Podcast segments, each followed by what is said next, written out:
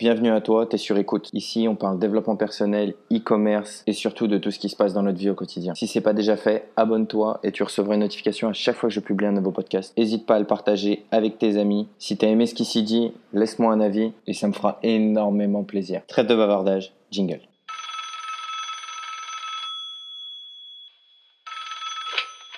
Allô, c'est toi? Quitte pas, t'es sur écoute. Maybe you should pull the fucking trigger.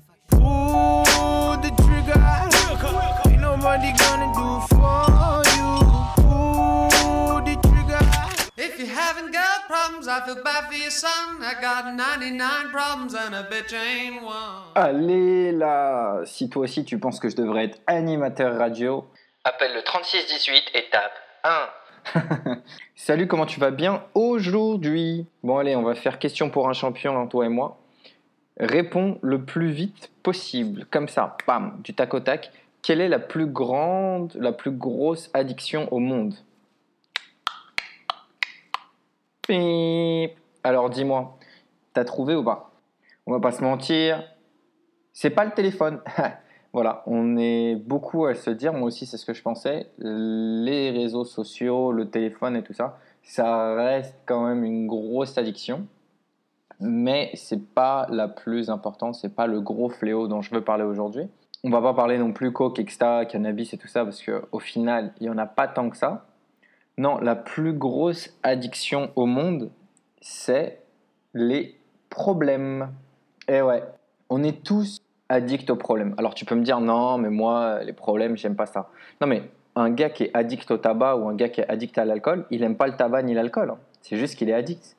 Moi non plus, j'aime pas les problèmes, mais on est tous addicts aux problèmes.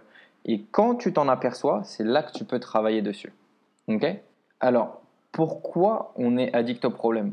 Et pourquoi ça pose problème d'être addict au problème En fait, je sais pas, quand tu vois tes potes, tu dois des fois leur dire Ah, tu sais pas, ma journée au travail c'était trop dur. Ah, tu sais pas, j'ai perdu mon chien. Ah, tu sais pas. En fait, souvent on commence avec des trucs consonance négative. Et on fait ça justement parce qu'on est addict au problème. Maintenant, la question c'est pourquoi on est tous addicts au problème? Pourquoi on a ce besoin de problème? Bah, déjà, regarde. Imagine deux personnes. La première, elle arrive, elle te parle et elle te dit non mais moi tout va bien chez moi, ma femme est parfaite, j'ai deux enfants, un garçon, une fille, ils sont les premiers de leur classe l'un comme l'autre. Le garçon est champion d'arts martiaux, la fille est championne d'arts martiaux elle aussi. Euh, mais en plus de ça, ils sont peintres et en plus de ça, ils sont doux et ils font du bénévolat et puis ils sont attentionnés. Et ma femme, son entreprise cartonne et la mienne aussi. Euh, L'année dernière, j'ai fait 100 millions d'euros de chiffre d'affaires. J'ai réussi à profiter de ci et de ça. Je suis content de payer mes impôts parce que ça aide le monde. Et regarde ma voiture, c'est une Ferrari. Regarde ça, regarde ça. Mais tu vas pas vouloir parler avec cette personne. Tu vas dire mais c'est qui ce crétin? Mais comment il se la raconte? Tu vas dire en plus je suis sûr qu'il m'étonne, je suis sûr que sa femme le trompe, je suis sûr que sa boîte ça va pas bien, ou tu vas voir quand il va avoir un redressement fiscal, ou je suis sûr que ses gosses c'est c'est pas des c'est pas des anges. En fait tu vas le critiquer parce que on n'aime pas les gens qui sont parfaits. Maintenant tu rencontres un mec, c'est ton collègue de boulot, il te dit ah tu sais pas mais hier mes parents ont décidé de divorcer ou j'ai perdu mon chien ou mon, mon fils a un cancer ou un truc comme ça, tu vas dire oh non mon dieu. Et puis tu vas vouloir parler avec cette personne, tu vas dire oh mais non c'est trop triste, je suis désolé pour toi blablabla et tu en fait tu vas t'intéresser à lui et tu vas vouloir lui donner son attention en retour. Et c'est là que c'est foutu en fait. C'est là qu'à partir de moment le, le vice là c'est là qu'il explose c'est là qu'il grandit de fou. Parce qu'en fait si tu réussis ta vie et que tu en parles les gens vont pas vouloir te parler. Et ça, en fait, ton cerveau l'imprègne. Et donc, à partir du moment où ton subconscient il a compris que si tu avais besoin d'attention, bah, il fallait pas parler des choses qui allaient, bah, tu vas tout de suite commencer à parler des problèmes. Et pour parler de problèmes, il bah, faut en avoir. Tu vas pas dire ah non mais hier je me suis cassé un ongle. On va dire mais c'est quoi ton problème de merde? Et donc à partir de ce moment-là, tu vas toujours chercher des problèmes ou tu vas toujours te cibler vers le problème. Pourquoi? Bah, Il y a un mec, je sais pas si tu connais, il s'appelle Abraham Maslow et il a créé la pyramide de Maslow. Alors on a tous entendu parler de la pyramide de Maslow, mais qu'est-ce que c'est exactement? C'est pas la pyramide de Gizeh, c'est pas du tout la même chose. La pyramide de Maslow, en fait, elle dit que tout être humain a des besoins dans un ordre précis, un ordre pyramidal, et donc il y a une base et il y a un sommet. Et la base, c'est ce que tu as absolument besoin pour arriver au sommet, évidemment. Donc, ce sont tes besoins à satisfaire le plus vite. Et pour être épanoui ou être au maximum, au sommet, à l'extase, à l'apothéose de ta vie, en fait, il faut que tu arrives à la pointe. Et donc, pour arriver à la pointe, il te faut chacune de ces bases. Il y en a cinq. Tu peux les séparer en trois grandes catégories. On a les besoins basiques, on a les besoins psychologiques et on a les besoins d'épanouissement personnel. Et donc, bref, dans les, dans les besoins basiques, tu as euh, les besoins physiologiques qui sont bah, boire, manger, dormir, faire caca, faire pipi, tout ça. quoi. Mais tu as les besoins de sécurité. Et donc, la sécurité, c'est quoi? C'est de savoir que les gens seront toujours là pour toi. Mais aussi toi, que tu sois toujours au même endroit. Tu vois, d'avoir une maison, une base, un truc. Mais c'est là, à partir du moment, et ça c'est vraiment la base de base de cette pyramide-là. Et donc une fois que tu as accompli ça, tu as accompli les besoins physiologiques, donc faire caca, faire pipi, manger, boire de l'eau, respirer, te reposer. Et une fois que tu as cette sensation de sécurité, on a ce besoin d'appartenance et d'amour, donc dans les besoins physiologiques. Donc tu es déjà au niveau de la moitié de ta pyramide. Donc on a tous, on répond tous plus ou moins à nos plus, plus que moi d'ailleurs, hormis si euh, malheureusement, si tu ce podcast, forcément tu remplis les besoins basiques. Donc si tu imagines que 80-90% de la population remplit ses besoins basiques, il faut après remplir les autres. Et donc là, bam, tu rentres dans la catégorie où les problèmes naissent. Maintenant, tu as besoin de un sentiment d'appartenance, d'amour. Et donc quand on parle d'amour, tu as besoin de sentir que les gens s'intéressent à toi. Donc c'est pas que l'amour passionnel, romantique, c'est aussi l'amour affectif euh, d'une famille, d'amis, de, relations. Et donc, machinalement, tu vas te créer tes problèmes pour appartenir, parce que tu veux appartenir à une société, à un groupe d'amis. Et comme je te disais, la plus grosse addiction au monde, ce plus gros point commun que tout le monde a, c'est que tout le monde a des problèmes dans la vie. Et donc, tu vas toujours essayer de te créer des problèmes. Attention, de façon subconsciente. Je ne dis pas que tu vas prendre un couteau et te le planter dans la jambe comme ça pour dire j'ai des problèmes. Non, non, c'est que inconsciemment, tu vas t'auto-saboter. Et dans les besoins psychologiques, la deuxième chose, c'est que tu as un besoin d'estime et d'accomplissement. Alors c'est de l'estime personnelle, mais aussi vis-à-vis des autres. Donc tu as un besoin de prestige. C'est pour ça que les gens tiennent à écrire, au lieu de monsieur ou madame, tiennent à écrire docteur ou disent non moi je suis à la, Sorbonne ou j'ai fait HEC en fait parce que tu as besoin de dire que tu as un prestige, tu as un certain statut et tu as un besoin d'accomplissement. Et tu vas me dire mais en quoi c'est connecté avec des problèmes? Bah si tu jamais de problème, tu jamais rien à accomplir. Maintenant si je te dis j'ai été renvoyé moi-même hein, tu vois, je te dis j'ai été renvoyé et du coup j'ai créé une société et j'ai fait un demi-million d'euros de chiffre d'affaires en à peine 5 mois. Bah direct, c'est comme une putaclic en fait si tu veux. C'est que parce qu'il y a eu ce besoin d'appartenance de moi aussi je me suis fait virer, il y a eu ce truc où j'ai créé un problème, mais il y a eu l'accomplissement derrière. Donc moi c'est sûr je me sens bien parce que j'ai accompli quelque chose, mais toi, enfin peut-être pas toi-même, mais, mais les personnes autour s'y intéressent parce qu'il y a ce, ce, prestige du demi-million d'euros, mais qu'il y a aussi ce sentiment d'accomplissement. Donc en parlant avec moi, tu peux t'associer au problème. Donc souvent dire ah ben moi aussi j'ai perdu mon père d'un cancer, moi aussi je me suis fait renvoyer. Et en général c'est souvent là que les gens s'associent. Donc le besoin d'appartenance est fait. Et après on tape dans le prestige de bah tous ces problèmes que j'ai eus, voilà comment je m'en suis sorti. Et c'est pour ça que les gens parlent la plupart du temps de un de qui ils sont. Donc je suis monsieur, madame, un tel, un tel, euh, docteur en 6, 5 ans de ça, j'ai eu une augmentation. Donc voilà. Mais tu comprends, c'était pas facile pour moi, c'était dur, euh, mais maintenant j'ai plus de vie. Parce qu'en fait, on veut toujours garder ce lien infime, intime d'appartenance. Et donc on veut pas devenir le crétin de tout à l'heure qui réussit tout et qui a jamais de problème. Mais tu comprendras bien que sur le long terme, ça, c'est pas quelque chose de viable. Ça fait pas sens que toute ta vie tu vas chercher des problèmes et que ça va t'amener à un endroit au paradis, au succès, ou peu importe comment tu veux appeler ce truc. Si tu te focuses toujours sur les problèmes, bah, à un moment ou à un autre, ça va t'amener vers un autre problème, puis un autre problème, puis un autre problème. Et donc ce besoin d'appartenance, parce qu'en fait c'est là que ça naît, il faut le trouver autre part. Et en fait, il faut dire que quand tu réussis quelque chose, moi quand j'ai fait un demi-million d'euros de chiffre d'affaires, bah, certains de mes potes qui étaient là quand je me suis fait virer et tout, qui étaient tristes pour moi ou qui compatissaient, bah, ils ont disparu le jour où j'ai commencé à faire 500 000 euros de chiffre d'affaires. Mais pourquoi? Parce qu'en fait, comme Monsieur Crétin tout à l'heure qui réussissait tout et que sa femme était parfaite et ses enfants étaient parfaits, en fait, il te montre qu'il y a une immensité de, de possibilités derrière tes problèmes, mais il te montre lui que la réussite. Et donc toi, tu te dis, non mais moi je peux pas être comme ça parce que moi j'ai des problèmes que toi t'as pas.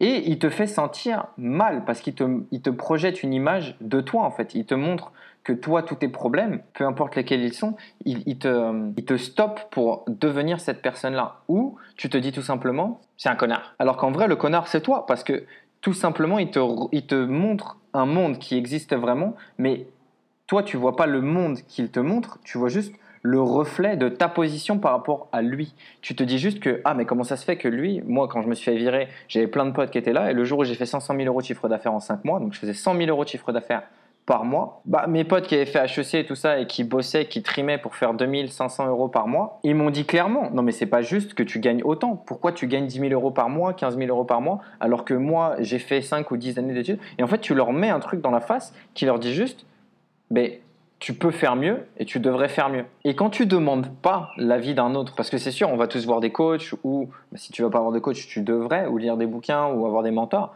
Mais le jour où toi tu arrives, tu fais quelque chose, euh, je sais pas, euh, tu fais à manger.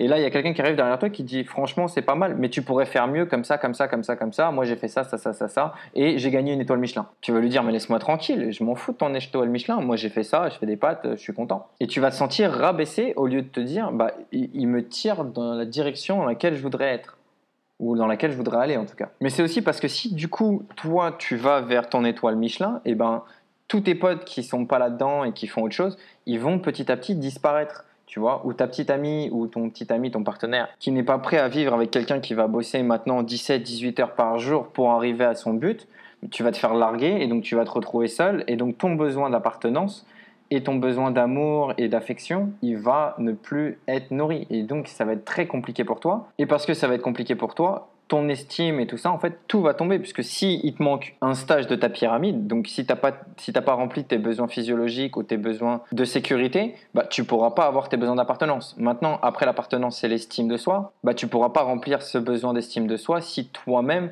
tu n'as pas rempli ce besoin d'appartenance.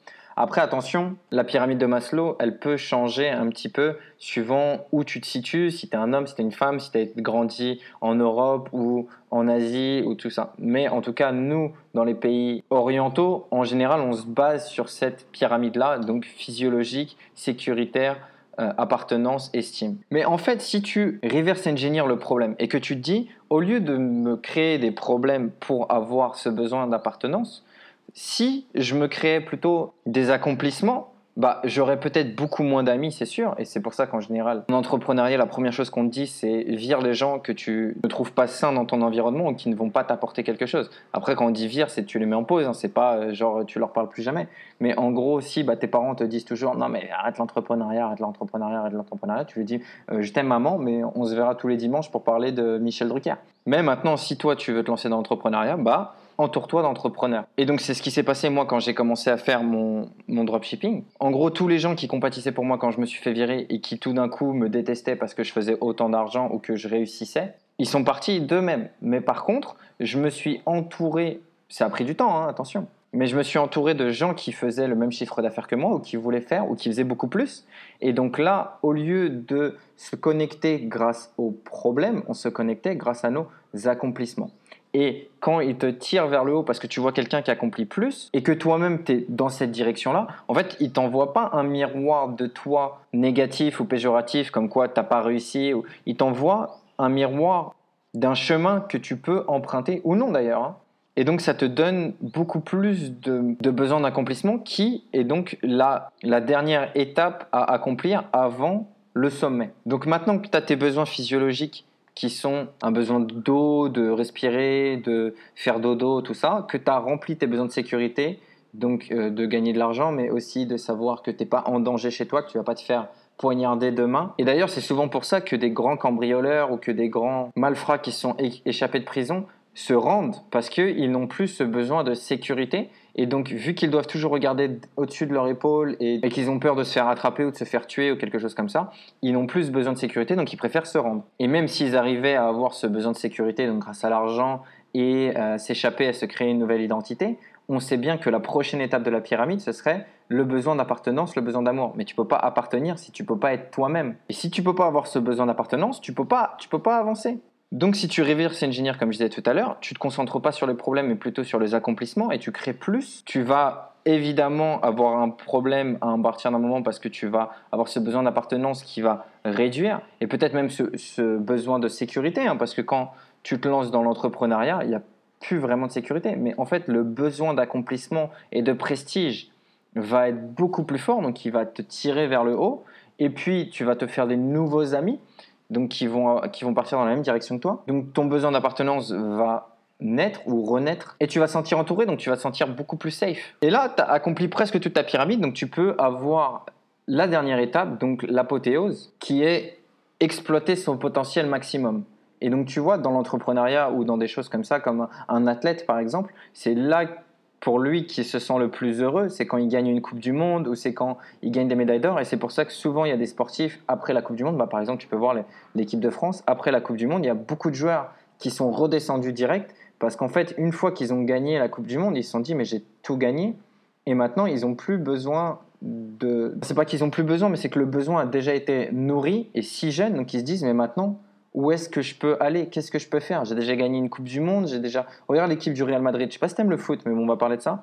Cette année là, ils sont à la ramasse. Mais pourquoi? Ils ont gagné trois fois de suite la, la- la Ligue des Champions. Donc comment tu veux que maintenant leur euh, motivation elle continue à être au sommet? Elle peut pas parce qu'en fait ils ont déjà eu ça. Donc il faut trouver quelque chose de plus grand. Donc peut-être gagner une Coupe du Monde, gagner autre chose. Mais pour eux, c'est assez faible. Et donc c'est pour, ça qu'il faut- c'est pour ça qu'il faut toujours, toujours, toujours s'actualiser. Et donc en général, pour achever ton potentiel final maximal, il faut toujours créer. Parce que la création, ça ne s'arrête jamais. Donc quand tu continues à créer, et la création, ça veut tout dire. hein. ça peut être la peinture, ça peut être écrire, ça peut être cuisiner, ça peut être, euh, enfin voilà, se promener, prendre des photos, peu importe. Mais en fait, toutes ces activités créatives, elles n'appartiennent qu'à toi. Et c'est là où, en général, tu t'épanouis le plus. Donc vraiment, le conseil de ce podcast, c'est essaye de visualiser si toi, aujourd'hui, tu es addict au problème. Si tu es addict au problème, essaie de comprendre pourquoi. Qu'est-ce que je recherche là-dedans? Est-ce que je recherche un besoin d'appartenance? Est-ce que je recherche un besoin de sécurité? Est-ce que je recherche un besoin d'accomplissement? Et, et retrouve-toi un petit peu. Parce qu'en général, si tu penses que ton problème est quelque part, c'est en général qu'il se retrouve en dessous. Donc si par exemple tu penses que c'est parce que tu as un besoin d'estime personnelle, et ben en fait ça veut dire que le problème, il se retrouve plutôt dans tes relations. Si tu penses que c'est un problème qui est dans tes relations, ça veut dire qu'en fait c'est un problème de sécurité. Et si tu penses que c'est un problème de sécurité, c'est qu'en général c'est un problème physiologique. Laisse-moi t'expliquer. Par exemple, aujourd'hui, tu vas au travail et ton travail te rend pas heureux eh bien, toi, tu te dis, non, mais je suis dans ce travail-là pour le prestige, et donc mon problème, c'est que j'ai toujours envie de plus et que j'ai envie d'avoir un certain prestige. Bah, tu peux te dire qu'en fait, tu es dans ce travail, pas spécialement parce que ça t'apporte le prestige, mais peut-être parce que dans ce travail-là, tu t'es fait des amis, d'accord? Tu as des collègues, tu as tout ça, ou tu as, je sais pas, une bonne ambiance ou quelque chose qui fait que... Donc le problème, en fait, ça vient du fait que bah, tes amis, vu qu'ils sont que dans ce cercle-là, tu veux pas partir de ton travail parce que tu veux garder cette chose-là. Mais la plupart du temps, si tu veux garder toutes ces choses-là, c'est parce qu'en fait, tu cherches un certain niveau de sécurité. Tu veux garder ton confort, on veut toujours rester dans notre zone de confort. Et il y a un fameux dicton de Neil Donald Walsh qui dit La vie commence à la fin de ta zone de confort. Et en vrai, pour avoir voyagé autant dans des pays différents, enfin j'ai fait quoi? J'ai fait 28, 30 pays, quelque chose comme ça. Et j'ai fait le Bangladesh, tu vois, enfin j'ai pas fait que des pays cool euh, à, me trémousser euh, sous les palmiers, voilà. Eh bien je peux te dire que quand tu sors de ta zone de confort, tu grandis. Et il n'y a rien pour un homme, enfin pour un être humain, il n'y a rien de mieux, de plus épanouissant que grandir. Et je te parle pas de grandir de quelques centimètres, hein, je te parle de grandir intellectuellement. Et c'est vrai, regarde en général, quand tu apprends quelque chose, tu as tout de suite envie de le partager à tes amis. Genre, hey, j'ai lu ça dans ce bouquin-là, hey, euh, hier en cours, la prof, elle m'a appris ça et j'ai appris ça. Aujourd'hui, tu sais faire tourner des crêpes euh, en l'air dans ta poêle comme ça, bah, tu as appris un nouveau truc, tu es content, tu es toujours content d'apprendre quelque chose de nouveau. Et pour apprendre quelque chose de nouveau, il faut savoir sortir de sa zone de confort. Et pour sortir de sa zone de confort, il faut savoir affronter les problèmes. Et pour affronter les problèmes, il faut arrêter de les voir comme des problèmes tout simplement. Parce qu'en général, un problème, c'est quelque chose qui est difficile, c'est quelque chose qui est éreintant, c'est quelque chose qui est fatigant. Maintenant, si tu vois toi le problème comme quelque chose de la vie banal, eh ben, tu vas tout simplement le vivre comme un autre jour. Et je te promets, tu pourras assouvir tes besoins d'appartenance, tes besoins de sécurité, tout simplement parce que tu vas apprendre à t'adapter, tu vas grandir. Et quand tu grandis, tu deviens évidemment capable de beaucoup plus de choses. Je sais pas si tu es d'accord avec tout ce que je t'ai dit, Mais n'hésite pas à m'envoyer un DM sur Insta ou un message sur Facebook at Nick Growth Designer. Je te promets, mon site internet sera bientôt prêt en français. Il est toujours en anglais, mais il est très peu actif. On est en train de travailler dessus là. Il va y avoir les blogs, il va y avoir une page pour les podcasts pour que tu puisses commenter, me laisser tes avis et tout ça. Ce sera beaucoup plus sympa. N'hésite pas à me mettre une petite étoile si tu l'as pas déjà fait. C'est super important pour moi. Ça me permet d'être découvert par beaucoup plus de personnes. Si tu trouves que ça c'était intéressant, n'hésite pas à le partager à tes potes. Merci de m'avoir écouté. Sur ce, à la prochaine fois. Je raccroche. Ciao.